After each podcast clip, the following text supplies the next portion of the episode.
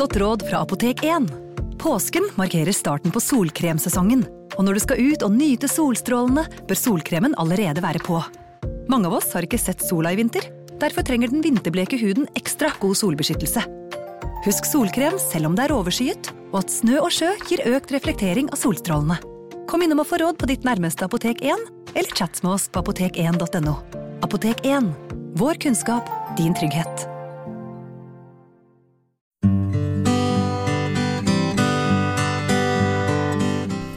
Og velkommen til en ny episode av Selvmordspodden. Poenget med denne podkasten er at ikke én til skal velge denne løsninga. Og i dag så er du her med Kine Reinersen. og Anne Glivrekke. Vi har valgt å ha hovedfokus på unge menn som er usynlig deprimerte. Og det vil si at det er ingen som vet at de sliter med slike tanker før det er for sent. Vi ønsker å fokusere på historier, og du kommer til å møte mange forskjellige mennesker som har tanker rundt dette temaet. I denne episoden skal vi snakke med en veldig smart mann. Og det er jo litt skummelt for oss, da, for vi er jo veldig glad for at vi stiller spørsmålene, og at det er han som skal svare, og ikke omvendt. Hans Herlof Grelland, han er professor emer, emeritus, heter det, eh, i kvantekjemi ved Universitetet i Agder. Han har master i filosofi. Han har skrevet flere bøker innen dette feltet, og spesielt om noe som heter følelsenes filosofi. Så velkommen til oss. Takk. I denne podkasten prøver vi å belyse forskjellige sider av selvmord, spesielt hos unge menn. Og nå er det et litt sånn åpent spørsmål, men hvorfor tror du at det er så mange unge menn som tar sitt eget liv? Jeg kan ikke svare allment på det, men um, menn er jo i en spesiell situasjon. Vi er i en spesiell kultur for menn, og vi vokser opp i en kultur. Fra vi er små Jeg er jo mann selv, så jeg kjenner godt det av egen erfaring. Fra vi er små, så har vi et ønske om å være tøffe og sterke. Og små gutter er ikke tøffe og sterke. Så sånn begynner det. Og det, vi får ikke gråte i skolegården. Vi har problemer med å vise svakhet. Hvis vi gjør, tabber oss ut, så blir vi ledd av. Så vi tror at hvis vi tabber oss ut, så er vi dumme. Og dette er en del av mannskulturen som vi vokser opp med. Så jeg har lyst til å peke på en bestemt ting her. Og det er at når man skal leve, så er det viktig at man føler at man er til stede i livet. At det er jeg som er til stede i livet. At det er jeg som lever. Og da blir livet meningsfullt, selv om det finnes mange måter å leve på. Og når vi skal skape oss, når vi skal leve opp til et ideal som vi ikke klarer helt å leve opp til, eller som ikke gir rom for hele oss, så får vi problemer med det å være helt og fullt til stede i livet. Og et av de eh, punktene hvor vi som menn og gutter da kanskje har mer problemer enn jenter og kvinner generelt, for her er det jo forskjell på individer, Mm. men generelt, det er når det gjelder følelser. Det var veldig mye visdom på Du er veldig sånn der konkret. Jeg forstår hva du sier for noe. Jeg sånn, kan jeg bare sette meg ned og lytte? Sånn blir jeg litt. Fordi at uh, du og meg, vi er jo litt eldre enn mange av disse veldig unge. Har det forandra seg uh, i løpet av de siste 50-60 årene? Jeg tror nok at det som jeg har sagt nå, det har ikke forandret seg så mye. Men, eh, så, men det, det som skjer, er heller at dette blir brakt fra generasjon til generasjon. Og så blir dette nesten som en liten bombe plassert inn i en generasjon som er mye friere og har mye større muligheter enn tidligere generasjoner har hatt. Mm. Det er jo faktisk sånn at det å begå selvmord også krever en type mot. Og det motet var det nok mindre av hvis vi går mange tiår tilbake. Vi lever i en verden som er mer utfordrende. Folk vet mer, de opplever mer, de er i kontakt med mer. Eh, Både vonde og gode ting. Og det er generelt modigere. På godt og vondt, faktisk. Før så var det eh, samfunnsmessige normer og regler og konvensjoner og vaner som hindret en i fortvilte, å gjøre fortvilte ting, selv om man inni seg egentlig var fortvilt og var klar for det. Du, Jeg har ikke hørt den inngangen til det tidligere. For å snakke om mot i forhold til selvmord. For det har jo vært mer det motsatte. Dette er det feigeste du kan gjøre. Dette er veldig egoistisk. Ja. Har du en sånn tilleggskommentar til det? Ja, altså egoistisk er det jo. Man er jo helt, helt opptatt av seg selv i et sånt øyeblikk. Men at det krever en type mot, det, det tenker jeg jo at det gjør. Mm. Vi må høre litt mer om det. Ja. Du har eh, mange unge mennesker som du jobber med på UiA når du underviser i filosofi. Og også så er du rundt å ha forelesninger. Er selvmord noen gang et tema som dere er innom når dere snakker om eksistensialisme og filosofi? Ja, det er det faktisk. Eh, Det er jo et, eh, er jo et tema som er stort i filosofien. Eh, En veldig kjent filosof som er, hører med til de vi kaller eksistensialister, en fransk filosof, Albert Camus, som også er skjønnlitterær forfatter, sier jo at det store filosofiske spørsmålet er hvorfor skal jeg ikke begå selvmord? Og med det mener han hvordan skal jeg finne, hvordan skal livet bli verdt å leve? Og han har jo egentlig en positiv vinkling, da, for han ønsker jo å få frem hva som gjør livet verdt å leve. Og han tror at det er verdt å leve. Men han mener at det er, det er bakgrunnsspørsmålet når vi spør om hva som er livet verdt, hva som er verdt å leve. Eh, en annen filosof som har vært viktig, som jeg har undervist mye om, det er den danske filosofen Søren Kierkegaard, som bodde i København på midten av 1800-tallet, og som jeg tenker at han så dypt i mennesket og forsto veldig mye av det som foregikk i menneskesinnet, og skrev veldig innsiktsfullt om det. Og han skriver en bok om det han kaller fortvilelse, og han sier fortvilelse er alltid ett og det samme, nemlig fortvilt ikke å ville være seg selv. Og vi hører jo allerede at her er vi tett på det. Mm. Fortvilt ikke å ville være seg selv, fortvilt ikke å ville leve dette livet som jeg lever.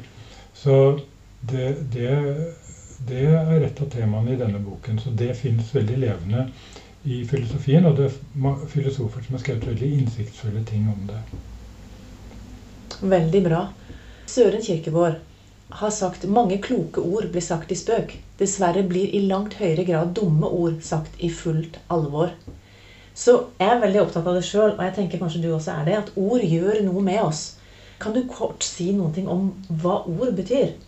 Ord betyr nesten uendelig mye. Og dette er bekreftet av moderne hjerneforskning. Eh, En av de fremste i våre dager, Liza Feltman Barrett, som har spesielt forsket på følelser og eh, driver et stort prosjekt i Amerika på dette med mye empirisk forskning og studier av hjerneaktivitet osv., sier at hjernen er fundamentalt sett en slags språkorgan. Og alt som skjer i hjernen, går, foregår gjennom språket. Også følelseslivet vårt. Oi. Og det betyr at eh, språket vårt er viktig å kunne snakke. Og vi tenker med språket, og til og med følelsesregisteret vårt. Og følelsesaktiviteten vår er preget av at vi, at vi kan snakke om ting og har fått snakket om ting, at vi har ord på ting osv. Så, videre. så språket, ja, er viktig. Vi snakket med en i går, eller intervjua faktisk en som vi holder på å redigere, som sa det at eh, når jeg valgte å være åpen som person, for det var jeg ikke når jeg vokste opp, så hørte jeg min egen stemme snakke om ting. Og så kunne jeg korrigere meg sjøl. For så lenge de tankene bare var inni hodet mitt, så kunne de ødelegge så mye og fortelle meg så mange løgner. Men med en gang jeg begynte å snakke om det og være åpen, er det litt av det du sier, at ordet er med å gjøre Det er en del av det. Ja. At vi kan snakke.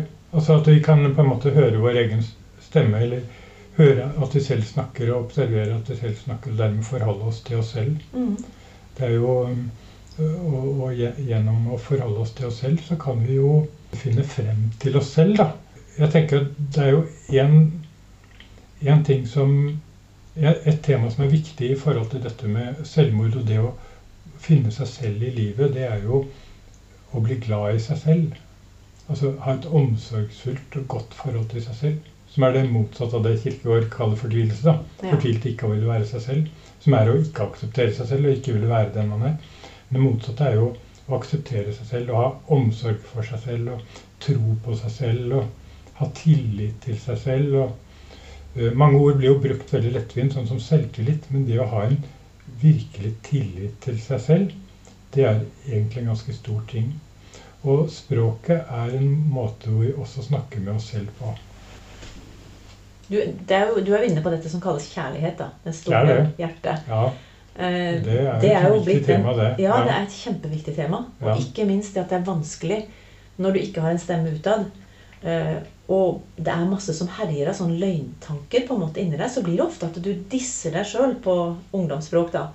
At du snakker negativt til deg sjøl, og du ikke aksepterer deg sjøl eller ikke finner mening. fordi at det, Så alle rundt deg kan fortelle deg hundrevis av ganger at du er så mye verdt, og vi er så glad i deg, og så når det ikke inn.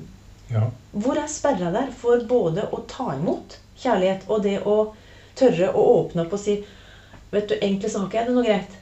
Og jeg har mange teite tanker, og jeg tør nesten ikke å si det, men nå gjør jeg det allikevel. Det var veldig mange spørsmål igjen her nå. Ja, det var på for så vidt det, men det, var jo, det er jo samtidig ett spørsmål. For det handler om dette med å nå inn.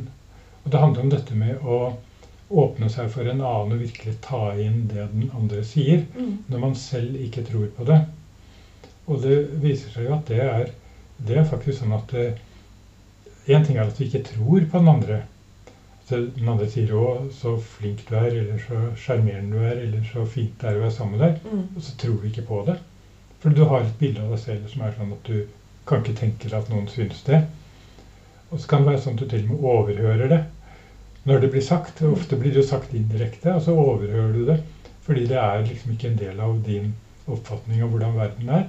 Og dette krever jo da at skal du åpne deg, så må du faktisk se på deg selv med nye øyne. Og det er, det er en vanskelig ting, det. Mm. Å få noen til å se på seg selv med nye øyne. Men eh, det er viktig at det er sånn at eh, vi kan la være å ta ting innover oss fordi vi, vi egentlig ikke tror på dem. Men det er jo ganske skummelt hvis du sier den, den mannsrollen vi har. Hvis du tenker at det, hvis jeg forteller noe om dette, så mister jeg alle de har rundt meg. For jeg skammer meg så veldig over disse tankene sjøl. Og jeg ja, gjør, gir meg sjøl juling, nesten. Så hvis jeg sier dette til andre, så kommer de også til å hate meg. Så det lille jeg liksom får med meg av kjærlighet, det tør jeg ikke å gi slipp på. Skjønner du hva jeg mener? Jeg gjør, jeg gjør det. Um, og, Så hva skal vi gjøre da for å få litt mer åpne, spesielt gutter, til å tørre? Jeg syns jo at vi skal ha en klar forestilling om at her bør det, her bør det forandres noe. Og at gutter fortjener en bedre kultur enn det vi har tilbudt dem. For det er jo den veien det går. Det er jo ikke sånn at guttene har skapt denne kulturen. Det er jo sånn at de er født, vokser, født inn i den og vokser opp i den. Og så tror vi at det er sånn det skal være. Uh, og så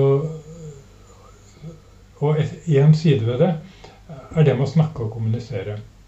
Og eh, hvis vi tar f.eks. temaet følelser eh, og Det å være til stede i virkeligheten og det å være nær seg selv, altså kjenne at det er virkelig jeg som er til stede i f.eks. kommunikasjon med en annen person, har med følelser å gjøre. Det er jo ingen, ingen aktiviteter vi har som er så personlige som følelser. Og følelser er undervurdert ting. Følelser er ikke noe sånn sentimentalt tøys. Følelser er en veldig viktig del av et menneskeliv. Og følelser uttrykker noe veldig viktig del av oss. Og når følelser ikke er lovlig, så, så hindrer det oss å få, få denne opplevelsen av å være et, si, et menneske som virkelig er til stede i tilværelsen. Ja, så spørsmålet hva, hva kan vi gjøre med følelsene? Vi kan faktisk snakke om dem, og vi kan kommunisere dem verbalt. Og det er jo det kvinnekulturen og jentekulturen er flinkere til enn vi menn er. Rett og slett snakke mer om det. Og det å snakke om følelser behøver ikke nødvendigvis bety at man snakker om følelser som tema. Men det betyr at man snakker på en måte som kommuniserer følelser. F.eks. når man forteller om en ting man har opplevd, så er det ikke bare en saklig beskrivelse av hva som skjedde, men det sies samtidig hvordan det oppleves å være en del av det. Og da har du kommunisert følelser uten nødvendigvis å bare si 'jeg blir glad', 'jeg blir trist'. Og det er mange subtile og fine måter å kommunisere følelser indirekte på. Og for jenter og kvinner som får mer sosial trening med å snakke alvorlig sammen, så får de altså trening i å formidle følelser når de forteller om ting. Dette er det jo guttene må få lov å få del i, for de, de har like mye følelser som jenter. De har rett og slett like mye følelser som jenter. De har like mye behov for at disse følelsene skal bli sett av andre. At de skal være i kontakt med dem selv. Og de er like gode til å snakke når de bare får en arena for det. Men de trenger hva skal vi si, den sosiale åpenheten og den treningen for det. For det er jo veldig mange som sier at gutter de spøker veldig mye. ikke sant? Sjøl når de har det beintøft, så er det sånn der, ja, vi slår en spøk, eller vi ler litt, eller vi gjør et eller annet. Altså, Hva er din erfaring med det? At det Ja. er liksom litt lettere å ta det den veien? Ja, og det er jo det at eh, en annen klok filosof, Henri Berson, har sagt at eh, med latteren, altså med spøken, så setter vi følelsene til side. Det er en måte å sette følelsene til side på. Okay. Og når, vi, når jeg som gutt kjenner at denne følelsen tør jeg ikke å formidle, f.eks. at jeg er trist, Mm. at jeg nesten gråter, kanskje til og med er på gråten, så kan jeg ikke vise det for noen. Og så fleiper jeg isteden. Og, blir- og da setter jeg følelsene til side. Og generelt så er det sånn at når vi tøyser og tuller og fleiper, så holder vi følelsene unna. Og så kan vi lett skape en kultur av det. At vi har en samværsform som er sånn. Det er mye tøys. Og så tenker vi å, det er så gøy å være sammen med disse vennene, for det er så mye tøys og spøk og vitser og sånn. Men så er det egentlig lite intimitet, lite følelser, lite nærhet. kanskje? Fordi du kommer aldri dypere fordi spøken hold, holder det unna. Og da er det spørsmålet er det, er det sånn at gutter fleiper mer enn jenter? De har en mer fleipete og spøkefull tone? Når, vi, når jeg sier dette, så er det jo klart at her er det jo store individuelle variasjoner. Dette tegnes jo med veldig grov, grov pensel, eller sånn bred pensel. Det. Mm. Ja, så det er forutsetning. Men det, jeg syns å se noen store linjer i det, jeg, da.